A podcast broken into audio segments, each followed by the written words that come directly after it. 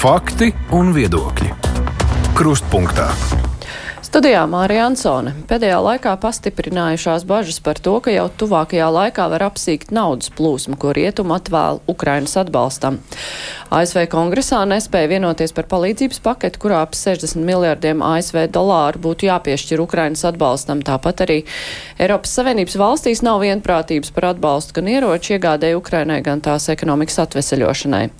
Šonadēļ notiek Eiropas Savienības valstu vadītāju samits, eh, kur būtu jālemj arī par oficiālu oficiālu Ukrainas uzaicināšanu iestāties Eiropas Savienībā, bet tā iznākums vēl ir grūti prognozējams.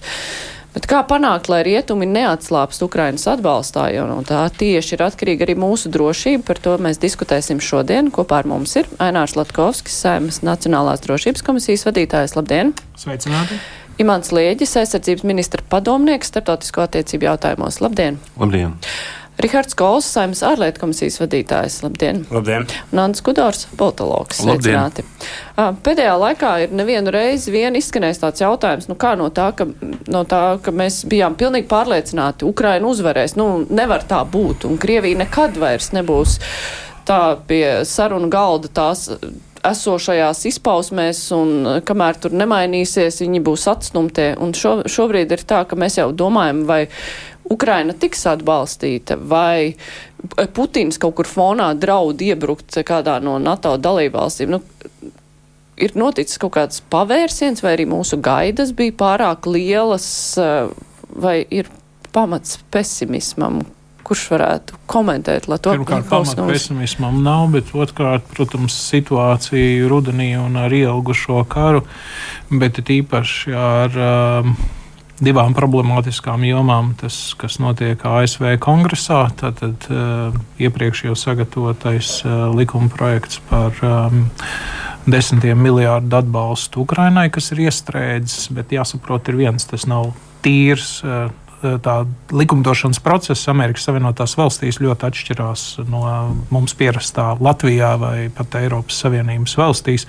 Līdz ar to Tur viņš sastāv arī no cita veida uh, naudas piešķīrumiem, kā piemēram uh, ASV Meksikas robežu nostiprināšanai. Nu, pēdējā informācija, kas vismaz parādās uh, sociālos tīklos, ir tāda, ka iespējams tas ir pakustējies virzienā, kur būs arī nodrošināts atbalsts tiem, kuri pieprasa nostiprināt Meksikas ASV robežu, pretīm ļaujot atbalstu Ukrainai, Izrēlai un Taivānai. Tā kā, un plus pēc dažām dienām sāksies Eiropas padomu, ko jūs jau pieminējāt. Tas ir Eiropas uh, valstu līderu tikšanās, kur būs jālem par, par finansiālo atbalstu turpmāko Ukrainai un par, par iespējamo sarunu sākšanu ar Ukrainu par uzņemšanu Eiropas Savienībā. Un, protams, atsevišķu valstu līderu vai politiķu paziņojumu, kas nāk uh, diezgan bieži šajās dienās. Liek mums bažīties par to, vai šie lēmumi būs pozitīvi attiecībā uz Eiropas padomi. Bet, nu, sakosim līdzi, skatīsimies, un, starp citu, mēs nekad neesam uzdevuši savu ticību, man liekas, Rietumvalstīs tam, ka Ukraina uzvarēs. Bet, uh... Tas, šie lēmumi ASV, piemēram, nu, šobrīd situācija ir tāda, ka pieņemt jau viņi vēl nav, pretestība ir liela, pietiekoši Orbāns, nu, vismaz kā laikraksts viens rakstīja, taisās. Nē, es, te, es labprāt precizētu. Uh, nav pretestība, ir iekšējā cīņa. Praktiski ASV ir iegājusi iekš, iekšpolitiskajā priekšvēlēšanu ciklā. Uh, tas ir acīm redzami, jo vēl tik, tikko aizvadītajā nedēļā es nedēļu pavadīju Vašingtonā, kongresā. Uh, tiekoties ar kongresa pārstāvjiem, gan ar republikāņiem, gan pat ar tiem republikāņiem, kas ir brīvības tajā grupā, uh, kas ir tie teiksim, radikālāki Trumpa atbalstītāji, uh, tāpat arī ar demokrātiem. To kopējo temperatūru es varētu nodefinēt tā. Uh, republikāņi, protams, izmanto situāciju, uh, kad Baidenam varbūt tā pozīcija tagad ir saļodzījusies. Arī viņš ir bijis nepārāk izlēmīgs, tad, kad ir jāsniedz atbalsts Ukraiņai, ieroču sistēmā vispārējo. Viņi nu, redz, ka viņi sagaida daudz uh, nu, tādu ciešāku cietāku rīcību no, no Baidena puses, bet papildus arī tas izaicinājums, kas ir uz dienvidu robežas. Teikt, ka ASV nav izaicinājums dienvidu robežas, būtu melot. Jo tomēr 9 miljoni migrantu ir šķērsojuši robežu, katru dienu tie ir 12,000. Un, nu, tie izaicinājumi diezgan lieli. Saprotam, ka tas ir ļoti liels tāds kairinātājs ASV vēlētājiem, kur nu vēl vairāk, kas ir pieņemsim Trumpa atbalstītāji. Nu, tā vietā, protams, tās tas, ko es nu, sajūtu no tām sarunām, arī no tās brīvības grupas pārstāvjiem, ka viņi atbalsta Ukraiņu. Absolūti, tas atbalsts būs. Jautājums, vai tas ir līdz Ziemassvētkiem vai janvārī. Protams, mēs varam teikt, ka viņu kavēšanās ir Putina izaicināšana. Putinam tuņās martā ir vēlēšanas, daudz smieties. Nu, kas tad tās pa vēlēšanām? Bet ir. Viņš arī uz tām fokusēsies. Viņam ir vajadzīgs vienalga, kā mobilizēt savu sabiedrību uz martu. Atkal tas varētu iedot papildus viņam stimulu mandātu, ka tas, ko viņš dara, ir pilnīgi pareizi. Falsificēs tos rezultātus vai nevalstsēs. Tas viss ir uz spēles. Tas, kas ir lielākās trauksmes īstenībā, ja mēs 60 miljo, eh, miljardi ir no ASV un 50 miljardi no Eiropas Savienības, tas kopumā ir 110 miljardi. Turpretī Krievija 12 mēnešos ir jau veltījusi 100 miljardus, tikko ir apstiprinājusi jaunu aizsardzības uh, budžetu nu, kopā ar valsts budžetu, kas ir 150 miljardi, 7 līdz 8% no IKP. Tas ir kara budžets. Un tas ir tas, ko rietumos mums drusku laikam nenoreģistrē ka Krievija gatavojas ilgai konfrontācijai, tā ir gatava, un viņa ļoti jau cer uz, tā, uz uh, rietumu nogurumu. Un šāda minstināšanās ir simbols tam. Un, ja mēs paskatāmies pa vienu citu ļoti izaicinošu jomu, tā ir militārā industrija. Uh, ASV vēl tās kapacitātes ir diezgan daudz, un tas ir tas, ko mēs uzstājam, ka viņi var sniegt daudz vairāk nekā līdz šim. Uh, ne tikai tas, ka lai Ukraina aizsargātos, bet varētu atkarot okupētās teritorijas, bet turpretī Eiropā tā situācija ir nu, gaužām slikta. Nu, gaužām. Te pieņemsim Reisam Wall Street Journal uh, publikācija vakar vai aizvakar, kas nu, teica, piemēram, Vācija uh, nu, kara iesaistas gadījumā munīcija pietika divām dienām. Uh, Lielbritānijai uh, tanki, kuri gatavi būt uzreiz kara darbībā, nu, 150 tanki. Tas diezgan ainu padara čābīgi, tīpaši to, ka arī minstinās par militārās industrijas, teiksim tā, strauju iedarbināšanu, motoru iedarbināšanu, jo mēs redzam, ka tās pašas, pieņemsim, mums pretraķešu sistēmas nebūs jau pēc pusgada. 26. gads, 27. Un mēs redzam, tie aprēķini, ko eksperti veids. Krievija atgūs savas pirms kara militārās spējas piecu gadu laikā. Un tie ir tie visi trauksmes zvani, kur jebkāda minstrināšanās, arī šo piekdienu, kas varētu būt Eiropas Savienībā, var ļoti, ļoti dārgi izmaksāt. Nu, labi, Bet īpaši ASV jā. vēl dārgāk nekā tagad, tie 60 miljardi. Jo tagad ASV pilsoņi nemirst uz kara lauka. Nu, labi, pēc kārtas. Vispirms par eh, šo ASV palīdzību, kura kavējās. Tur tas pārāvums tad varētu būt vai nevarētu būt? Jo, nu, kā tiek minēts, ka ASV ir iztērējis visus tos operatīvos resursus simtprocentīgi, un tagad uh, Ukrainā nav ko dot. Es domāju, ka uh, pirmkārt tas ir, teiksim, uh, tā ir problēma republikāņu partija uh, uh, nu, vienai daļai un tur nav teiksim, eh, pretestība, tā, tur nav liela pretestība. Jā. Es domāju, ka Baidens uh, savā prezidentūras laikā vēl uh, atradīs veidus, kā uh, uzturēt atbalstu Ukrainai. Bez pārtraukumiem. Uh, tas varētu būt bez pārtraukumiem, jā. Uh, Tādā pašā laikā, uh, ja mēs skatāmies uz Krieviju, jā, nu, par Krievijas kā, spējas atjaunot savas kaujas spējas, nav viss tik rožaini. Tur, teiksim, daļa no munīcijas, ko viņi ir saņēmuši no, no uh, Dienvidkorejas, uh, ir brāči, uh, Ziemeļkorejas, jā, Ziemeļkorejas atvainojas.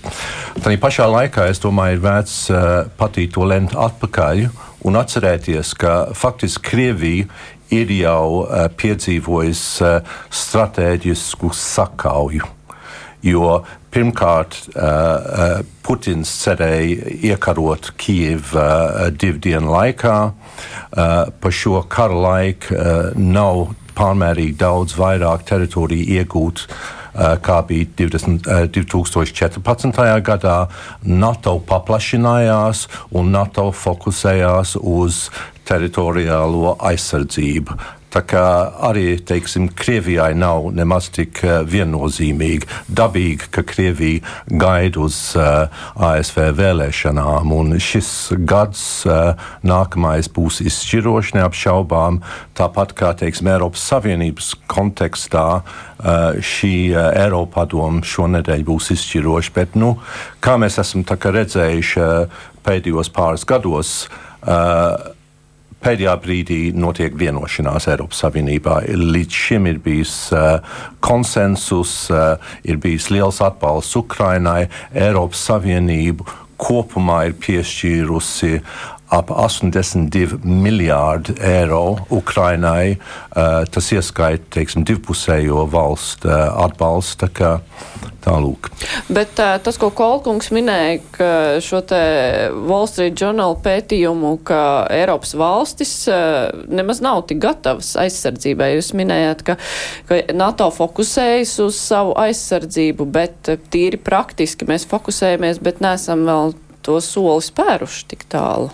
Nu, bet eh, zināms, soli ir spērt arī, arī šeit, pie mums, vai ne? Kopš 24. Eh, februāra pagājušā gadā, teiksim, ir jau uh, pastiprinājušies uh, ASV spēki, nemaz nerunājot par lēmumu uh, paaugstināt klātbūtni NATO. Līdz ar to tas, protams, nenotiek vienas dienas laikā un ir liela izaicinājuma neapšaubām. Un šis jautājums par munīcijas trūkums, tas ir, tas ir neapšaubām aktuāls gan, gan mums, gan Ukrainai, gan arī Krievijai savā ziņā. Pudārkungs. Jā, par to amerikāņu atbalstu. Es, es drīzāk būtu optimistisks. Kopumā varētu būt jauna diskusija, ja Trumps būs prezidents, tad varētu skatīties, kas būs. Bet pašlaik, Baidena laikā, tas, ka republikāņi šo sasaist ar, ar dienvidu robežu stiprināšanu un ar palīdzību Izrēlai Tas no vienas puses aizkavē uz brīdi to pieņemšanu, bet kopumā, manuprāt, tas tikai pastiprina to, ka tiks pieņemts. Tāpēc, ka par palīdzību Izrēlai īstenībā ir abās partijās atbalsts, jo sevišķi republikāņi, protams, bet arī demokrāti. Tas ir tradicionāli. Nu, labi, republikāņi parasti vairāk bijuši Izraels valdības pusē, un tur demokrāti varbūt maigāk. Bet uh, tas pats arī Baidens kā personība. Nav jau tā, ka visi demokrātu prezidenti obligāti būtu par ļoti vaļīgām robežām. Bils Klintons savulaik arī teica, ka nelegālā migrācija jāierobežo ASV. Obamas laikā varbūt bija tā, tā izteikti liberālāka nostāja, bet viņi jau saprot, tā problēma pastāv jau, jā, ko jau kas tika minēts. Un eh, es domāju, tā arī republikāņu starpā kritiska attieksme pret Ukrajinu un vispār tāda ASV izolacionisma eh, tāda vektora zīmēšana arī ir kaut kādā, es nezinu, nu, varbūt trešdaļā republikāņiem, varbūt pat vēl mazāk. Es domāju, par kongresmeņiem un senatoriem. Ja, ja mēs saskaitām kopā, cik ir tas lielais atbalsts, tad kopumā teiksim, atbalsts gan Izrēlai, gan Ukrainai, eh, tad drīzāk tā matemātika strādā par labu Ukrainai, par labu Izrēlai arī. Ja. Jautājums, protams, ir par termiņiem un laikiem.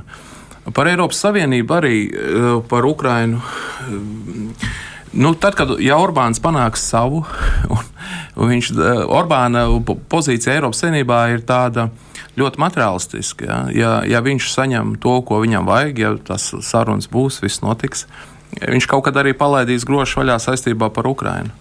Bet nu, tagad nu, pat arī New York Times tur arī ir atsauce uz ekspertiem, nu, pat uz amatpersonu teikto ASV, ka Ukrainas armijā un valsts vadībā daudzi balstās nerealistiskās gaidās par to, ko ASV varētu palīdzēt viņiem un ka viņiem bez jaunas stratēģijas un papildu finansējumu var zaudēt. Tur te, tādas te, prognozes. Jā, mums ir jāsaprot, cik, cik izaicinošā situācijā Ukraina, protams, atrodas atrodas. Protams, ka viņi tagad nevar izveidot paši saviem spēkiem savu kaut kādu militāro uh, ražošanu. Lai gan tur ir liels jautājums, kāpēc viņi raķetes neražo. Es biju Dņeprā pilsētā, kas agrāk saucās Dņepropetrovska. Tur, tur stāv tādas pilsētas centrā lielas uh, raķetes, kas bija padomu raķetes, un viņiem ir zināšanas, un īstenībā viņi varētu attīstīt jaudas. Ja? Tur ir jautājums, kas ar to notiek. Uh, Ukraiņas puse dara visu, un viņu sabiedriskās attiecības starptautiskā līmenī strādā labi.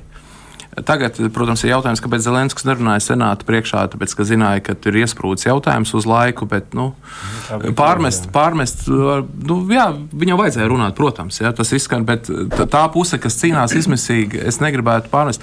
Tas, ka ir ekspektācijas lielas vispār pret sabiedroto palīdzību, tas ir tradicionāli šeit. Tiklīdz mēs pārlidojam pāri okeāna ASV, mēs saprotam, ka oh, mēs tur bieži vien kaut ko esam par daudz, kaut ko sadomājušies. Ja? Tur ir aktīvi jālobē, diplomātijā jāstrādā. Es gribētu tikai piebilst, bet um, nav jau zaudēts otrā ziņā attiecībā par Zelenska iespējamo uzstāšanos kongresā. Viņš kā reiz atrodas, jā, tā kā tā iespēja vēl pastāv. Iespējams, ka tajā brīdī, kad tā vienošanās izskatījās diezgan tālu taktiski iemeslu dēļ, viņam ieteica pašlaik nerunāt, jo tas neko nedos. Ja tagad ir kaut kur, kur uh, viena no pusēm, kur neatbalstīja lielākas naudas piešķīrums robežu nostiprināšanai, ja tur ir kaut kas jau sāk aizmugurējiski veidoties, kaut kāda vienošanās, tad ir īstais brīdis, kad iet un runāt. To mēs vēl nezinām, vai tā bija taktiska kļūda vai taktisks panākums. To mēs redzēsim pēc tam, ja viņš tiešām nokļūs tajā kongresā arī tagad. Nu, runājot ar kongresmeņiem un senatoriem, kur, mm. kuriem bija, viņiem īsti nebija izprotami, kāpēc pēdējā Jā. brīdī bez jebkāda skaidrojuma vienkārši atcēla to, to, to brīfingu. Bet šeit nu, tomēr jāsaka, ka nu, tas, tas, tas rezultāts. 60 miljardi mēs runājam, kādēļ viņš vispār tiek likts galdā. Tieši lai nu, vēlēšana gadā Ukraina nekļūst par ķīlnieku priekšvēlēšanu diskusijām, debatēm. Sākotnēji vispār bija plāns 100 miljardi. Tas nāca no Senāta ārlietu komisijas vadītāja. Uh, bet nu, skaidrs, labi, ir reducēts līdz 60 miljardiem. Bet, ja to saliek kopā vēl ar Eiropas Savienības, kuram, protams, te ir jautājums par nu, militāro aprīkojumu, ko tad mēs dodam, tās spējas Ukrainai uh, atkarot okupētās teritorijas patriek, jo tagad pēdējās dienās un nedēļās Krievija ir intensificējusi savu uh, darbību frontē, diezgan masveidīgi. Saprotu, ka Dievka ir tā, kas ir kļuvusi par, par objektu, un nu, Krievi virzās okupanti virsū. Un šeit daudzi sāk izmantot nu, Krievijas savā ziņā, nu, varētu pat definēt tādu veiksmīgu jau retoriku, kara pagurums. Tas ir tīrs Krievu, Krievu Putina narratīvs, un tieši sāk atgramot to rietumu politiķi. Un pagrums jau nav Ukraiņiem. Ukraiņi saprot, ka viņi nedrīkst pieļaut konfliktu iesaldēšanu. Un šajā ziņā ir tāds dzirdīgs auss, kas šo retoriku atskaņo un atskaņo rietumu pusē, un kas absolūti dod to piešprici tādiem radikālākiem, pieņemsim, republikāņu pārstāvjiem arī teikt, ka, nu, pagaidiet, mums ir pašiem iekšējais liels problēmas, karu rekur nevinē, pavasara pret tā ofensīva, ko uzsāka, ir izgājusies, kaut gan tie ir absolūti meli. No 24. februāra līdz šim brīdim Ukraiņi ir atvēruši 50% teritorijas, kas bija okupēta. Kā var saukt to par neveiksmi? Tīpaši ar tiem resursiem, ierobežotiem, kas viņiem viņa rīcībā bija. Tā kā šeit ir, nu, liekas, ir nu, kaut kāds robežas jānoliek. Un attiecībā uz Eiropas Savienību, kas tagad liekas, no nu, Orbānu. Uh, jautājums, nu, mēs tikko arī lasījām, ka Austrijas kanclers uh, ir līdzīga retorika par, par uh, iestāšanās sarunu bloķēšanu. Uh, Um, bet jāskatās, ir Orbāna argumentācija, kas ir bijusi līdz šim pret Ukrainas dalību Eiropas Savienībā. Tātad uh, minoritāšu jautājums Ungāru tur mēs redzam pavisam svaigi ir uh, likuma projekts, ir apturēts, kas bija pa valsts valodu. Turpretī ir pieņemts Nacionālo minoritāšu likums, kas ir Venecijas komisijas apstiprināts. Praktiski nav vairs tie argumenti Orbānam, bet tajā pat laikā Orbāns saka, ka tā ir Ukraina ir korumpētākā valsts pasaulē. Bet arī pat laikā politiko raksta pētījumi liecina, ka Ungārija ir korumpētākā Eiropas Savienības valsts. Uh, nu, šis ir. Uh, es nezinu, kā tas beigsies. Es paredzu, ka Orbāns vienkārši no 20 miljardiem mēģina izsist maksimumu. Nu, labi, bet uh, Orbāns grib izsist sev kaut kādu labumu. Es saprotu, ja tas notiek Eiropas Savienības gaitiņos, bet kāpēc viņš uh, dodas uz Ameriku tikties ar kongresmeņiem un tur pārliecināt. Vismaz tā tika minēts uh, laikrakstā Zikārt. Nu, tā nē, nu tur arī tur, kāpēc viņam neizsist vēl kaut kādus labumus. Republikāņi droši vien varētu būt dzirdīgs ausis, kur maga kustību Make America Great Again. Lai, nu, veidosim ASV atkal lielisku un tajā dabūt dzirdīgas ausis no tiem republikāņiem, kas var būt tādi radikālāki. Bet, to, bet to, ka viņš varētu būt tāds vienkārši kaitnieks un Kremļa draugs, tas netiek izskatīts. Nu, jāatcerās, kad viņa tā sirdsdraudzība sākās ar Putinu. Viņš piedalījās Sanktpēterburgā vienotās Krievijas partijas kongresā 2010. gadā. No Latvijas tur piedalījās Ušakovs un Orbanovičs. Pēc tās tikšanās tika noslēgts līgums ar saskaņu un, un uh, vienoto Krieviju. Un tieši toreiz arī Orbāns pēkšņi pārvērtās par, par lielu Krievijas draugu. Tur bija darījums ar dabasgāzi, pēc viss tiek spriests. Ja, viņam vajadzēja tad vēlēšanās uzvarēt, un viņam bija kaut kāda interesētība. Es pirmie teicu, jā, ka te tā viņa materiālā interesētība tikai, nu, droši vien ne tikai arī. Ja, un, Krievija, Putina režīms veiksmīgi strādā ar individiem. Ne tik labi ar veselām valstīm, bet ar individiem. Turklāt teiksim, ir iespējama korupcija. Attiecībā uz uh, Ungāriju, tad, kad es biju vēstnieks Ungārijā, tad teiksim, arī Orbāns noslēdz līgumu, lai atjaunot uh, atomspēkstaciju Ungārijā, mm -hmm. kas mhm. bija no padomu laikiem. Viņam ir zināmas atkarības no Krievijas, un tas neapšaubām ietekmē viņu rīcību. Tā pašā laikā ja viņš brauc uz uh, Vašingtonu, es domāju, ka nākamajā gadā mums uh, visiem Latvijas politiķiem un valdībai ir ļoti svarīgi jau sākt lobēt. Uh, nākamos kandidātus uh, ASV vēlēšanās, vai ne? Lai, lai kārtīgo reizi uz, uzsver, cik nozīmīga un izšķirīga Eiropas uh, nākotnē ir uh, Ukraiņas uzvara un uh, meklēt starp tiem, kas varētu būt ievēlēti nākamajās vēlēšanās, gan uh, demokrātiku demokrātu pusē, gan republikāņu pusē, lai, lai jau šobrīd par šo te eh, domāt un, un nodrošināt, ka gan no abām pusēm mums būs eh, atbalsts. Eh, tā, tāda maza atkāpe, cik ietekmīgi nu, mēs varam būt kā lobbyis. Nu, mūsos, mūsu politiķos tā klausās. Es domāju, ar vien vairāk kopš 24. Mm -hmm. februāra pagājušā gadā, vai ne, ja es runāju ar saviem bijušajiem diplomātu kolēģiem, viņiem, eh, viņiem vairs nebija jāklauvē pie eh, kolēģa durvīm. Eh, toties viņi gaidīja, ka, ka nu, respektīvi tie, kas gribēja uzzināt mūsu viedokli, pēkšņi bija lielā rindā, vai ne? Kas, lai noskaidrotu, ka, jo mēs izrādījās, ka mums bija taisnība par Krieviju, tā ir ļoti liela vērtība, ko es domāju, mēs varam joprojām izmantot šajās diskusijās viennozīmīgi ietekmē. Varbūt nevis tā, ka individuāli kāds aizbrauc un pamainīs visu viedokļus, bet uh, Baltijas grupa ir kongresā, kas ir viena no lielākajām, teikšu, 73 kongresmeņi. Šajā grupā darbojas senātā, ja nemaldos, stūpie 20, un uh, tas ir mūsu spēcīgs lobbyis. Tur ir, nu, neteiksim tā, kas ir pēdējās vēlēšanās ievēlēt. Tie ir ilgadēji kalpojuši vai nu republikāņi vai demokrāti, kongresmeņi, kas Baltijas valstis ir, nu, var teikt, kvalitātes zīme savā ziņā. Mūsu pat uh, ar šo darbību, kas ir kopš 24. februāra, vēl pat pirms sniedzot militāro atbalstu, humanitāro atbalstu, finansiālo atbalstu, 1,3% no mūsu IKP. Labi, tas cipars varbūt tagad ir uh, nokrities, bet šā vai tā, to mēs varam pieplusot mūsu potenciāli 3%, kas tuņās būs aizsardzības. Nu, tas ir tāds spilgts piemērs uh, viņiem, ko minēt kā argumentāciju. Mūsu, mēs neesam tikai aizsardzības patērētāji, arī devēji. Mēs piedalāmies misijā diskusijās, kur arī dažs labs Latvijas vēlētājs teiktu, kāpēc mums jābūt Hosmūras jūras šaurumā, kāpēc mums būtu tur vai citur jābūt. Mēs esam klāt, mēs esam solidāri. Un arī šeit bija tā viena tēze, ko es kongresmeņiem minēju, kad, protams, viņi aktualizēja jautājumu par um, dienvidu robežu. Uz ko es viņiem minu? Ka mūsu skatījumā tā nav tikai ASV dienvidu robeža, tā ir NATO ārējā robeža. Mums ir līdzīgi izaicinājumi mums ar Krieviju un Baltkrieviju, kur ir migrantu instrumentalizācija, un arī pie viņiem tā ir migrantu instrumentalizācija, jo viņiem ir tikai viena valsts starpā, kas ir no pārējām, kas ir tranzīta valsts.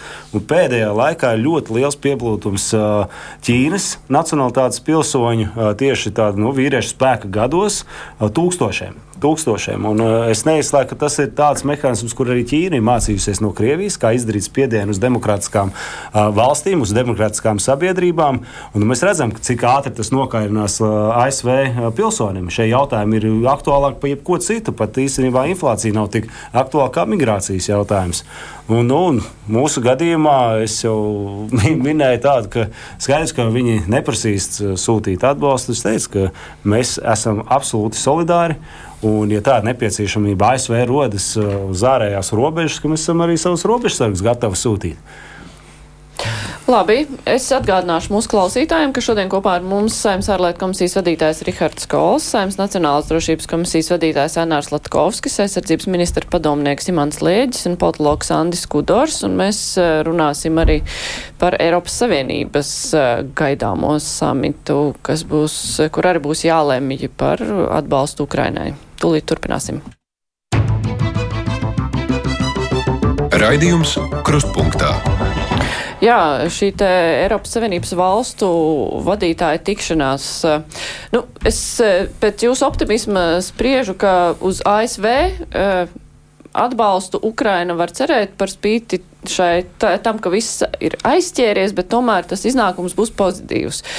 Eiropas Savienības šī vadītāja tikšanās, nu, Orbāns jau teica, nevajag lemt, jo tāpat skaidrs, ka ne, nevar izlemt. Tur vajag vienprātību, un tādas vienprātības nebūs. Atliekam šo jautājumu. Nu, Vai tur to jau mēs ar daļēji diskutējām, un kolēģi šeit izteicās, bet, um, protams, var domāt par to, ka varbūt tad, nu, divas lietas - sarunu uzsākšana par iestāšanos Eiropas Savienībā un 50 miljārdi. Varbūt viena no tām bloķēs. Bet tagad, dzirdot, ko Austrijas kanclers runāja, uzrādījās Orbanam sabiedrotais. Uh, Um, bet grūti iedomāties, kāpēc būtu jābloķē abas divas un kāda veida cenu mēģina uzsist uh, Orbāns un, un Austrijas kanclers. Jā, šīs neizskatās tik optimistiski, kā tas attiecās uz tiem lēmumiem, kurus varētu pieņemt ASV kongress, bet tomēr ticība ir grūti pat iedomāties, kāds tādu bez finansiālas palīdzības Ukraiņu kara laikā Eiropas Savienība par iestāšanās sarunām, protams, Baltijas valsts un vēl atsevišķas citas valsts ir tās, kas visvairāk lobē par šī jautājuma tālāk virzīšanu un arī pieņemšanu šeit. Nu, atliek tikai sekot līdzi, bet, eh, bet nu, tāda teiksim, pārliecības par to, ka tie, kas ir pret, um, tiks pārliecināti. Um, nav līdz tam. Bet tās abas lietas nevar tikt izgāstas. Nu, jā. Nu, Mēs... jā, pa, fin, pa finansējumu nu, līdzīgi jau tā akrobātika bija ar 40 miljardiem.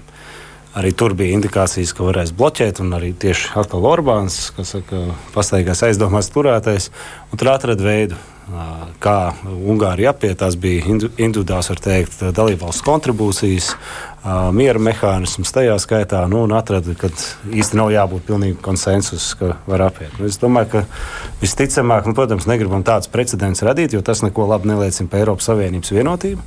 Tas ir absolūti atkal tie, kas vēl ļaunu Eiropas Savienībai, vienkārši priecāsies, ka ir kaut kāds ķīlis ielikts, kas visticamāk ilgākā laikā tikai to plaisu paplašinās. Līdz ar to nu, šajā gadījumā Nu, tur ir jābūt uh, Eiropas komisijai, Eiropas padomei, uh, līderībai, nu, tie mehānismi sviras. Uh, jo, nu, arī Orbāns pateica, viņu pat īstenībā neinteresē, vai viņam atsaldēs tos 20 miljardus vai nē, tas uh, lēmums ir nelokams, neatbalstīs. Tā kā um, grūti pateikt, bet pavisam nesen, vēl pirms nedēļas vai cik, 900 uh, miljonus jau atsaldēja daļu. Tā kā es domāju, tas jau bija, varētu tulkot kā signālu ka nu, varbūt ejam uz priekšu, ka mēs apsolam, ka atsaldēsim 10 miljardus. Reku mēs jau kaut kā, kā saka, pirms tā lēmuma pieņemšanas, kā simbols 900 miljoni. Varbūt Orbānu pārliecina, nu, ne pārliecina, bet es, es skaidrs redzu, ka viņš padara vienkārši par ķīlniekiem. Tā ir šantāža no Ungārijas puses, visciešākajā šantāžas vārda nozīmē. Un, nu, jā, nu, diemžēl mehānismi un instrumenti Eiropas Savienībai pagaidām nav kā ar šo cīnīties. Ir diskusijas par visiem kvalificētiem balsu vairākumiem, turpmāk pieņemt, bet tā jau ir nākošā Eiropas Savienības parlaments, komisija, padoma tajā skaitā. Tas vairs nav šīs Eiropas parlamenta sastāvā. Nu jā, ja par ASV runājot, tur nu, tomēr ir kaut kāda robežšķirtnā vēlēšanas, un ka pēc tām neatkarīgi pat no iznākuma, ka, ka tur tā attieksme var mainīties, nu tādā ziņā, ka vairs vēlēšana tuvums neietekmē šo lēmumu pieņemšanu, bet Eiropas Savienībā tādas robežšķirtnes nav. Nu, un tas nozīmē, jā. ka mēs tā muļāsimies visu laiku. Tas, eh, tā diskusija par to, kā tagad būtu jāpieņem lēmumu Eiropas Savienībai, ja, ja kāds ir pret, un tomēr mēs visi labs gribas cilvēki esam par. Un tad rodas vēlme, ok, pastumt to vienu valstu, valstu malā un tad īstenot to, ko mē, piemēram, mēs vēlamies, lielu atbalstu Ukrainai. Un tā, tas otrs gals tam, ko, un tas būtu labi, bet nu, tas otrs uh, koka gals ir par to, ka tad, kad mēs kaut ko negribēsim, un tad kaut kur vienosies kaut kāda valstu grupa, uh, Jā, nav tik vienkārši. Ir jāsaprot, ka Eiropas Savienība kā tik liela skaita valstu savienība, tā nav federācija, un e, būs grūti runāt par simtprocentīgi vienotu ārpolitiku. Tie būs atsevišķi izņēmumu gadījumi, ja, kad, kad būs ļoti melnbaltaini. Bieži vien nav melnbalta, atsevišķām valstīm ir cits intereses. Tā ir Eiropas Savienības ikdiena. Ja pretējā gadījumā mēs būtu par federāciju, ja būtu federāla Eiropa, jā, tad būtu tas viens tiešām tas ārlietu ministrs, īstais ministrs, nevis vienkārši pārstāvis ārlietās. Uh, otra lieta par, par to, par, par gatavību palīdzēt ar Ukraiņai. Es domāju, jā, būs par iestāšanos Ukraiņas. Nebūs vienkārši, visdrīzāk nebūs ātri. Bet es gribētu arī to optimismu devu pielikt klāt, ka ir tektonisks kustība notikusi. Vispār kaut kas, kas nav iedomājies. Ja pirms desmit gadiem runāt vispār par Eiropas, par Ukrainas kandidāta status, par sarunu, iestāšanās sarunu sākšanu, vispār tas liktos, tas ir neiespējami. Toreiz, kā Eiropas Savienības kaimiņu politikā, austrumu partnerība, kad tika izveidota, tas jau nebija ietvers, lai tagad veicinātu šo valstu iestāšanos. Tas bija vairāk ietvers, kur labi sadarboties un nomierināt prātus bez skaidras iestāšanās perspektīvas. Un tas kavē reformas. Labi, korupcija izskanēja par to korupciju. Protams, ka Ukraina pirms kara jā, bija korumpētāka nekā Krievija visdrīzāk iespējams, bet tagad ir atšķirīgs, ir, tagad ir izmaiņas. Amerikāņi te savas palīdzības sūta pārstāvis, kas kontrolē, kur nauda aiziet. Šis ir veselīgs, šī tā saucamā sankcionētā iejaukšanās. Demokrātiskas valsts var pieņemt līdzīgi kā Latvijā knābu, kad veidoja. Mēs gribējām iestāties NATO, un mums bija tā saucamā sankcionēta iejaukšanās. Mēs paši pieļāvām, ka NATO mūs ietekmē, lai mēs izmainītu arī iekšpolitiku caur to, ka knāps tiek izveidots un ļoti labs lēmums. Tas pats ir Ukrajinā. Notiek process dēļ tā, ka viņiem tuvojas reāla perspektīva iestāties, cilvēku mobilizējas, jā, viņa tā gatavība arī reformas īstenot, oligārhus pastumt malā korupcija samazināta. Viņi ir redzami, mēs tikai varam novēlēt veiksmi. Ir tektoniskas kustības Vācija, kas savu mūžu nevarējām iedomāties pēc otrā pasaules kara šādi nostātos pret Krieviju. Runāt par savu militāro kompleksu attīstīšanu, par tanku ražošanu Ukrajinā. Ir, ir liela pozitīva kustība. Jā. Protams, ka ir grūtības joprojām priekšā. Bet runājot par Eiropas Savienības nu, gatavību ilgajam karam. Ja Krievija nepārprotam gatavojas karot ilgi, vai Eiropas Savienība arī spēja morāli nu, noskaņoties tam, ka tas būs ilgi un šie lēmumi būs jāpieņem visu laiku? Es domāju, ka jā, jo, ja skatāmies uz uh, Eiropas Savienības uh, vienotu nostāju uzreiz pēc uh, 24. februāra, kad pēkšņi uh, Eiropas Savienība uh, pieņem uh, lēmumu sniegt militāro, letālo, at, letālo militāro atbalstu Ukrainai. Tas bija pirms tam neiedomājams, ka šāda lieta varētu notikties. Es domāju, ka Eiropas Savienība, jo, jo Ukraina faktiski uh, karo par Eiropas nākotni savā ziņā. Tas, tas, tas tā. Uh, Orbāna atgriež, atgriež, atgriež, atgriežoties pie Orbāna.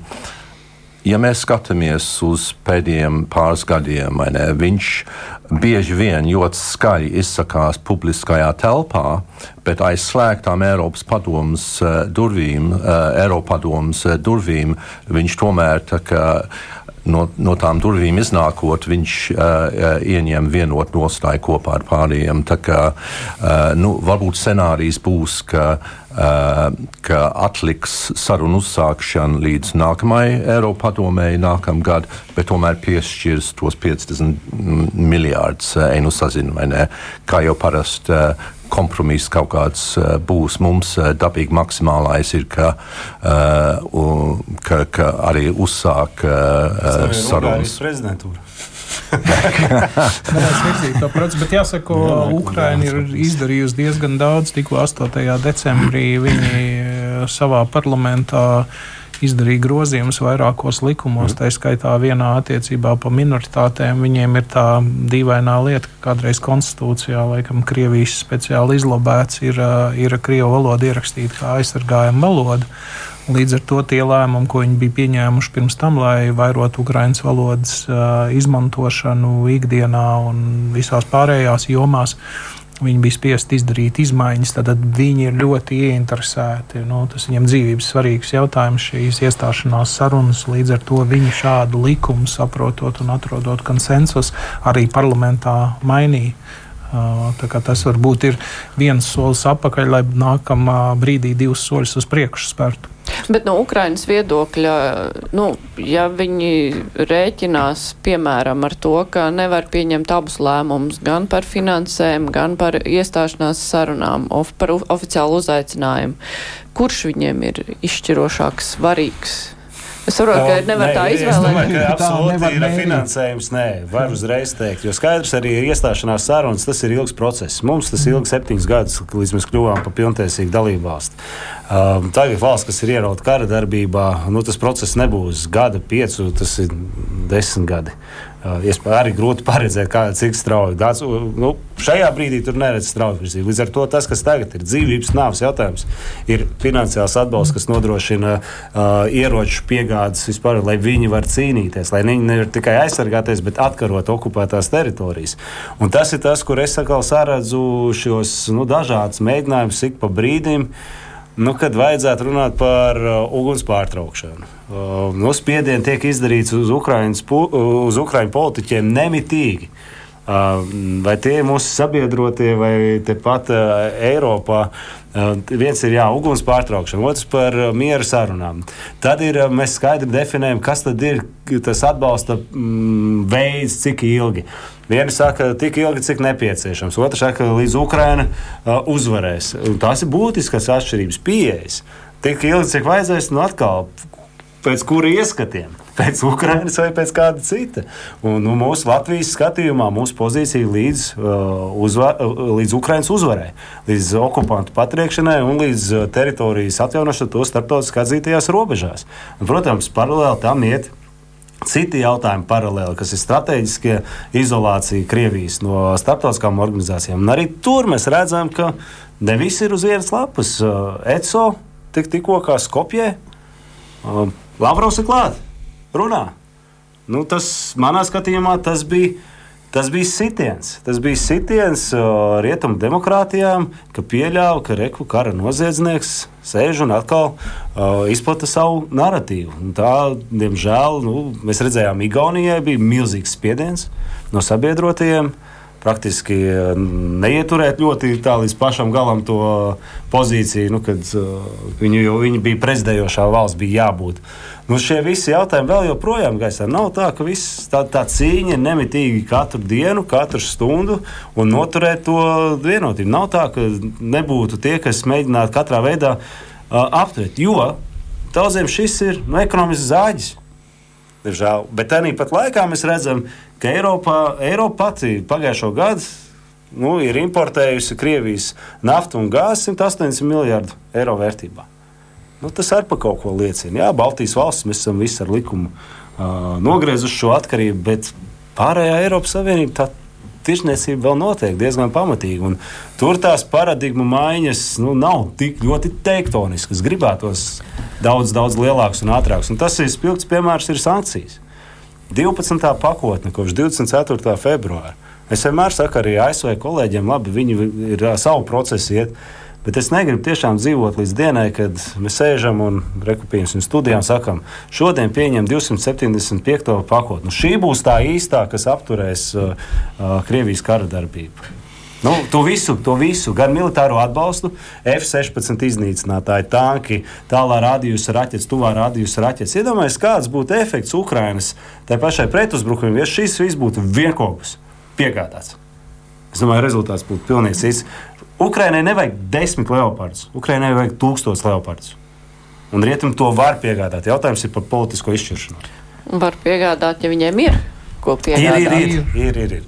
Nu, labi, jā, Latkauskungs, bet eh, par to svarīgumu, kas Ukrainā ir svarīgāk, jūs nepiekrītat, Labi, labi. eh, ka ir svarīgāk eh, iestāšanās, eh, nē, svarīgāks atbalsts naudiskais nekā iestāšanās sarunas. Nu, es jau Ja- ja. pirms tam izteicos, protams, to tā mm, mums viegli mērīt, kas paši neesam Ukrainā, ja, bet to, ko jau es teicu, šie divi lēmumi, kur varētu būt varbūt kaut kur, kur tie, kas ir pret, uh, ļauj vienam no tiem iet uz priekšu. Un šajā gadījumā, protams, tie ir tie 50 miljardi, kas ir nepieciešami. Bet atgriežoties pie tā, kā mēs sākām pie munīcijas trūkuma un, un, un uh, ražošanas uzsākšanās, visi svarīgie lēmumi jau NATO un Eiropas Savienībā ir pieņemti. Tā kustība ir, protams, ļoti lēna. Nu, pirmkārt, visi ņem vērā izlūkdienestu informāciju par to, ko Olkungs jau minēja. Krievijai būs vajadzīgi pieci gadi, lai atgrieztos pie tā uh, paša uh, spēka apmēra, kāds viņiem bija uzsākot uh, iebrukumu Ukrajinā. Ja, laiks vēl ir, nesteidzās, bet tajā pašā laikā uh, Baltijas valsts, bet it īpaši Latvija saistībā ar munīcijas ražojumu ir spērus. Es nezinu, vai Lieģis kungs var ko stāstīt. Ir tādas lietas, vienkārši, ko mēs nevaram studijā publiski stāstīt, bet ir spērus noteikti soļus, kur svarīgi lēmumi tieši šajās dienās tiks pieņemti un mēs kļūsim par daļu no lielākas uh, uzņēmumu grupas Eiropas Savienības, visticamāk, kur būsim iesaistīti arī munīcijas ražošanā, kas mums pašiem ir vitāli nepieciešamība. Un jums pilnīgi taisnība atsaucoties uz rakstiem ārvalstu presē par to, ka uh, nav pietiekami daudz munīcijas. Bija lieli krājumi, kuri daļēji ir nodoti. Uh, Ukrainai, bet tai pašā laikā ražošana lielos apjomos nav atsvaidzināta. Ir zināms izēvielu uh, trūkums, jautājums par konkrētiem avotiem, kur atrodas šo izēvielu avoti. Tā kā šie visi jautājumi ir ļoti labi zināmi valstu vadībām un attiecīgām organizācijām NATO un Eiropas komisijai. Lēmumi pat ir pieņemti šajos samitos, bet uh, viņu izpildi notiek lēni. Visu laiku domājot par to, ka mums vēl ir pieci gadi, ja nu gadījumā Krievija atgūst spēku un uh, domā zaudēt, uzbrukot uh, NATO kādai dalību valstī. Bet, nu labi, Latvija ir visu laiku cenšas būt pirmrindniekos, gan runājot par savu aizsardzības budžetu, mēs tagad arī domājam par ražošanu militāro jautājums, vai arī citas valstis ir tikpat apzinīgas. Vācijai tagad ir problēmas ar uh, parādu saistībā ar to, ka viņi gribēja vairāk ieguldīt tajā skaitā arī aizsardzībai, bet viņiem ir grūti salāgot ar savām budžeta nu, nosacījumiem, kas Bet viņiem attiecās. Viņi iegulda vairāk aizsardzībā. Bet viņi iegulda, jā. Bet eh, kopumā, ja mēs raugamies uz Eiropu, Eiropa ir tā ziņā apzinīga un domāju, gatavojas ka jā. tam, ka vajadzēs. Ja, es domāju, ka gan Vācija, gan Francija apzinās, ka šī ir eh, ļoti, eh, šī ir ļoti svarīga problēma ne, un munīcijas ražošana, tā kā viss pūls tiek likt, lai pātrinātu šo procesu. un Tā ir taisnība, ka uh, um, aizsardzības ministrija arī atbalsta Latvijas uh, iesaist uh, piegādes ķēdes nostiprināšanā un ir tā apziņa no lielajām Eiropas Savienības valstīm, ka ražošanai uh, ir jānotiek tuvāk teiksim, uh, uh, bīstamai uh, uh, robežai. Un Līdz ar to tā būs uh, projekta Eiropas Savienība piešķir naudu, uh, lai ātrāk uh, ražotu munīciju. Un, uh, un līdz ar to kā, šajās dienās līdz 3, 13. decembrim, es domāju, līdz rītdienai ir jāiesniedz projekts. Tas pie tā arī aizsardzības ministrija strādā. Tiks iesniegts projekts, un tad uh, būs uh, jālobē par, uh, par, par šī projekta apstiprināšanu Eiropas komisijas ietvaros. Un, un, mēs gribam teikt, mēs neesam vieni, kas to dara. Mēs Protams. esam kopā ar spēcīgām valstīm. Tur ir mūsu priekšrocība. Pastīsimies, kā mums klāsies, bet uh, jā, tas, ka mēs strādājam kopā ar ietekmīgākām valstīm, tas ir pareizais ceļš. Bet, bet cik operatīvi var nonākt līdz uh, projektu saskaņošanai, līdz uh, reālām lietām, līdz uh, nu, reālajai ražošanai? Cik tas ir ātri vispār? Nu, protams, teiksim, mūsu gadījumā šeit daļēji ir runa par jaunu rūpnīcu celšanu, vai ne, kas notiks pātrinātā tempā. Bet attiecībā uz citām Eiropas Savienības valstīm, kur jau ražo, tad es domāju, ka tas dabīgi daudz ātrāk notiekās. Jāpiezīmē arī, dzen, ka ir izaicinājums attiecībā uz sprāgstvielu šobrīd, ne, kur ir trūkums, bet nu, tās ir detaļas, es domāju, ka viss pūls tiek likts kā. Nu, kā pārvarēt eh, šo, šo, šo jautājumu. Ja ir politiskā griba, tad risinājumi tiek atrasti mm. vienmēr. Un tas, kas bija tā dilemma, iespējamā vai ne, vai teorētiskā vai praktiskā par to, kas tad būs, vai iestāšanās teiksim, perspektīva taustāma vai arī šī miljardi. No teorijas, ja mēs skatāmies, nacionāla drošība ir prioritāra. Tāpēc tā simboliski runājot, ja, ja, ja jums ir naudas maksa, kāda jēga, ja jums ir naudas maksa, ja viņi tūlīt kāds atņems? Jums viņa tāpat nav. Ja? Tad jums vajag drošību, lai tas naudas maks paliek pie jums. Un tādā ziņā, eh, protams, ka ja vispār būtu jāizvēlās. Un no otras puses, nevis no otras puses, bet, protams, ka Ukraina jau neteiks, ka mēs tikai nu, vismaz šo iedodiet, to nē. Mhm. Jebkurās sarunās, gan politiskās, gan uzņēmē darbībā, sāk no augstākā gala. Mums lūdz visu. Ne, protams, un, ka, vai, ka vajag, vajag visu, bet eh, kas ir tas reālais scenārijs ne, nu, un labākais Ukrainai? Protams, ka es ja piekrītu tam, kas izskanēja, ne, nu, militārā palīdzība. Tāpēc, ka, nu, kā valsts, Krievija vēlas viņus likvidēt, vēlējās, viņi nespēja to. Ja? bet vēlme jau bija likvidēt valstiskumu īstenībā. Tas, ko Putins ir sarunājis ar lieliem burtiem, skaļiem vārdiem. Bet eh, Putins ir un Krievija kopumā dara visu, lai šī politiskā griba Eiropā būtu. Gan uzlikt uz jaunām sliedēm eh, šo visu bruņošanās sistēma, jā, nezinu, sistēma nosaukt jau rūpniecību, jā, lai, tas, lai tas, kas ir iemidzināts, lai tiktu pamodināts. Putins dara visu. Viņš jau neļauj iemigt. Jā, tas, viņš sarunā ar vien nākamās lietas, ja viņš piemin Baltijas valsts, nu, kāda būs reakcija. Putina darbības dēļ NATO ir nostiprinājies. Somija ir iestājusies, Zviedrija tuvojas. Mums arī, arī mēs, kad skatāmies no savas puses militāri strateģiski, mums pat nav jāspriež, mums būs karš vai nebūs. Militāra strateģiskā doma ir tāda, tad, kad būs karš, vai mēs būsim gatavi gatavi. Un tātad, vai mēs šodien esam gatavi, cik tālu ir ienaidnieks, cik tālu ir robeža, kāds ir viņa bruņojums, kāds ir mūsējais. Ja? Mums, Krievijas agresijas dēļ, mums nav izvēles domāt atšķirīgi, kā tikai militāri strateģiski. Tas nozīmē, mums ir piedodiet, jābruņojas līdz zobiem, mums jābūt gataviem, un tad drīzāk mēs varam attālināt to, ka vispār karš būs. Ja? Tā ir klasika tāda, ja? ka jo stiprāk mēs būsim, jo mazāk mēs izaicināsim Putinu. Putinu izaicina vājums. Ja nevis, nevis spēks. Otrā spēks viņu nomierina. Ja? Viņi ierauga spēku un apstājās.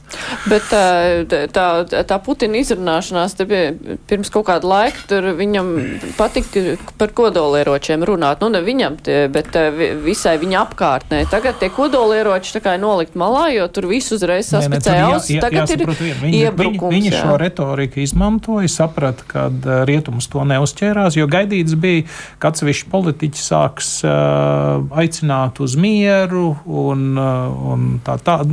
Es pat negribu tos vārdus lietot, ko gribētos pateikt attiecībā uz ko viņš cerēja. Bet uh, šī retorika nenostrādāja, tāpēc viņi tika nolikt malā. Ik pa brīdim tiek meklēti jaunu, lai kaut kā iebiedātu, atrast sabiedrotos, izmantotu katrā demokrātiskā valstī četru vai piecu gadu ciklus ar vēlēšanām. Krievija to ļoti labi redz un izmanto, un te Kudora kungam pilnīgi piekrīt. Viņi vienmēr meklē individuāls risinājums, viņi pielāgo, viņi ir oportunistiski šī politika, kas ir Krievijai, vienmēr atradīs šajā te uh, vēlēšanu dīķī kādu vai kādus, ar kuriem strādāt mm -hmm. kopā un kuri varētu nest šo Krievijas narratīvu. Uh, viņi var uzrakstīt scenāriju, viņi var piespēlēt kādā veidā, un vienmēr kāds uzrādīsies. Galu galā arī nauda vēlēšanām ir nepieciešamība, un kā to parāda dažas Eiropas partijas, tā skaitā Francijā, vienmēr gatavi paņemt no Krievijas naudu, un tad loģiski arī ir jāspēlē pēc viņu noteikumiem. Tā uh, kodolieroča lietošanas retorika, es domāju, izgāzās no Putina puses. Bija ļoti uh, samērīga uh, um, atbilde gan no NATO, gan no ASV tajā sakarībā. Un, uh, viņa mērķis bija atturēt, atturēt teiksim, rietumu atbalstu Ukrainai, un uh, viņam tas neizdevās. Ne? Un tieši kā Latkovs kungs teica, uh, viņš uh, grābstās un meklē jebkādu teiksim, uh, uh, veidu, kā, kā ietekmēt mūsu uh, sabiedrības. Bet tad, uh, uz ko viņi cer runājot par to, ko var iebrukt kādā NATO valstī, Latvijai nu, padraudot? Es domāju, ka tas ir arī blefs manuprāt, jo Putins uh, negribēs sākt karu ar NATO. Tas ir skaidrs, vai ne? Jo uh, tad, teiksim, būs visi sabiedrotie, kas. Uh, kas iesaistīsies, un, un es stipri šaubos, ka tāda lieta notiks. Es domāju, ka mēs bieži vien pārvērtējam, jo tagad mm. pēdējā laikā ļoti tālu ir izskanējis tas, ko daudz valstu izlūkdienesti ir ziņojuši par to, ka nu, iestājies zināms tāds paritāts laiks tieši Ukraiņas frontē un ka pieci gadi tie, kas tiek minētas, kad Krievija iedarbināja savu militāru rūpniecisko kompleksu, tā laikam viņi sauc pašu padomu laikos. Paldies, jā. Jā. Mhm. Uh, un, un, un viņi var atgūties, jā, un, un tādā veidā, bet ja Krievija tagad mēģinātu iebrukt, tas būtu labs veids, kā beidzot šo režīmu piebeigt rietumu demokrātijām. Līdz ar to viņi pat uh, sapņos viņiem tas nerādās, un izņemot kaut kādas propagandu uh, raidījumu retoriku, tas varbūt ir, bet tie, kas ir uh, attiecīgi pie varas, labi saprot, ka tagad tas nav iespējams. Un visticamāk, arī vēlāk nebūs iespējams, jo kas ir noticis, un te arī piekrīt Kudora kungam, Rietumu un NATO ir nostiprinājušies. Mūsu aizmugurē, par ko mēs visvairāk baidījāmies, Baltijas jūra, kas mhm. notiek Somija, Zviedrija neitrāli. Nu, pat Zviedrija neiestājoties, jau nevaram vairs uzskatīt par neitrālu. Viss līdz ar to Baltijas jūra ir kļuvusi par mūsu NATO jūru, un uh, Kaļiņģerāda ir nevis kaut kāds ieguvums, bet tagad zinām problēma Krievijai. Bet nu, Eiropa ir kaut kādas prognozes, nu, kā tas tālāk attīstīsies. Tā ziņā, ka nu, tas viss tā lēnām tas čākstēs uz priekšu. F-16 taču ir jāparādās. Tas kaut Mācās. kā kaut ko izma izmainīs šo Protams. gaitu. Uz to tiek cerēts. Te ir tomēr tāds angliski tas tipping point, jeb turning point apziņā. Tas, kas pirmīt izskanēja arī par to nogurumu karu, un daļai jau viņš tomēr ir, jā, tur psiholoģiski. Un, Ukraiņi ļoti pamatīgi cīnās. Te ir svarīgi nu, nepiespēlēt jā, tam. Jā, tur tā, ir skaidrs, ka daļa eiropiešu slimo ar šrederizācijas slimību. Jā, tad tie tie no Gerhards Šrēdera, kurš bija tātad, koruptīvā situācijā, strādāja pēc tam uz Gazprom, pēc tam, kad kanclera amatu atstāja. Daļa eiropiešu, protams, būs tāda pie pirmās iespējas skries apkamties ar Putinu, bet viņi nav daudz, jā, un šis karš ir tik melnbalts. Mēs redzam agresoru. Nebieži vēsturē ir tā, mēs redzam skaidru agresoru. Krievija, Ukraina karo taisnīgu aizsardzības karu. Šeit ir grūti tiem, pas, tiem kuri pat gribētu šeit stilā runāt, viņiem ir grūti pat galvu pacelt. Un šis ir labi, šis ir par labu Ukrainai. Baltijas valsts turpinās kopā ar Poliju lobēt ideju arī gan uh, Ziemeļamerikā, gan tālāk rietumos, uh, tajā nevis tālāk rietumos, bet Eiropas rietumu daļā par to, ka tas ir principiāli, vajag palīdzēt. Uh, Putins, kad izteicās par, par Latviju, tur viņš jau runāja, ka iekšēji tur kaut kas radīšoties. Es neredzu jaudu pat iekšēji viņam sarīkot. Situācija ir mainījusies. Un uh, otrs ir Krievijai. Pašlaik nav jaudas karot ar NATO. Vienkārši nav jaudas. Viņu Ukraiņu nevar uzvarēt. Nu jā, bet, protams, ir jādomā arī par bet laiku par nākotni, pēc, jā. jā, nu, pēc 5 gadiem. Jā, un arī skatīsimies, kas uh, parīt aizparīt notiks Eiropadomē, kāda lēmuma tiks pieņemta. Mēs arī strādāsim un ņemsim vērā Ukrainas mācības, ir īpaši austrumu apgabalos. Nākamā nedēļā mēs skatām prezidenta iniciatīvu par uh, drošības pielaidēm uh, mūsu pašvaldību vadītājiem. Jā, kur arī ir tāda zināma pretestība no tās puses, no tiem pašvaldību vadītājiem. Labi, bet man ir jāsaka paldies Enārs Latkauskas, Imants Lieģis, Ants Kudors un Rihards Kols arī bija kopā ar mums. Raidījums kruspunktā ar to arī izskan. Rīt uh, būs dot pieci tematika, runāsim par naukšēnu, uh, mantiniekiem, ja tā var teikt, kas tālāk notiks ar vietām, kur ir sociālā korekcija jauniešiem. Producenti Ieva Zēza studijā bija Mārija Ansona. Visu labu!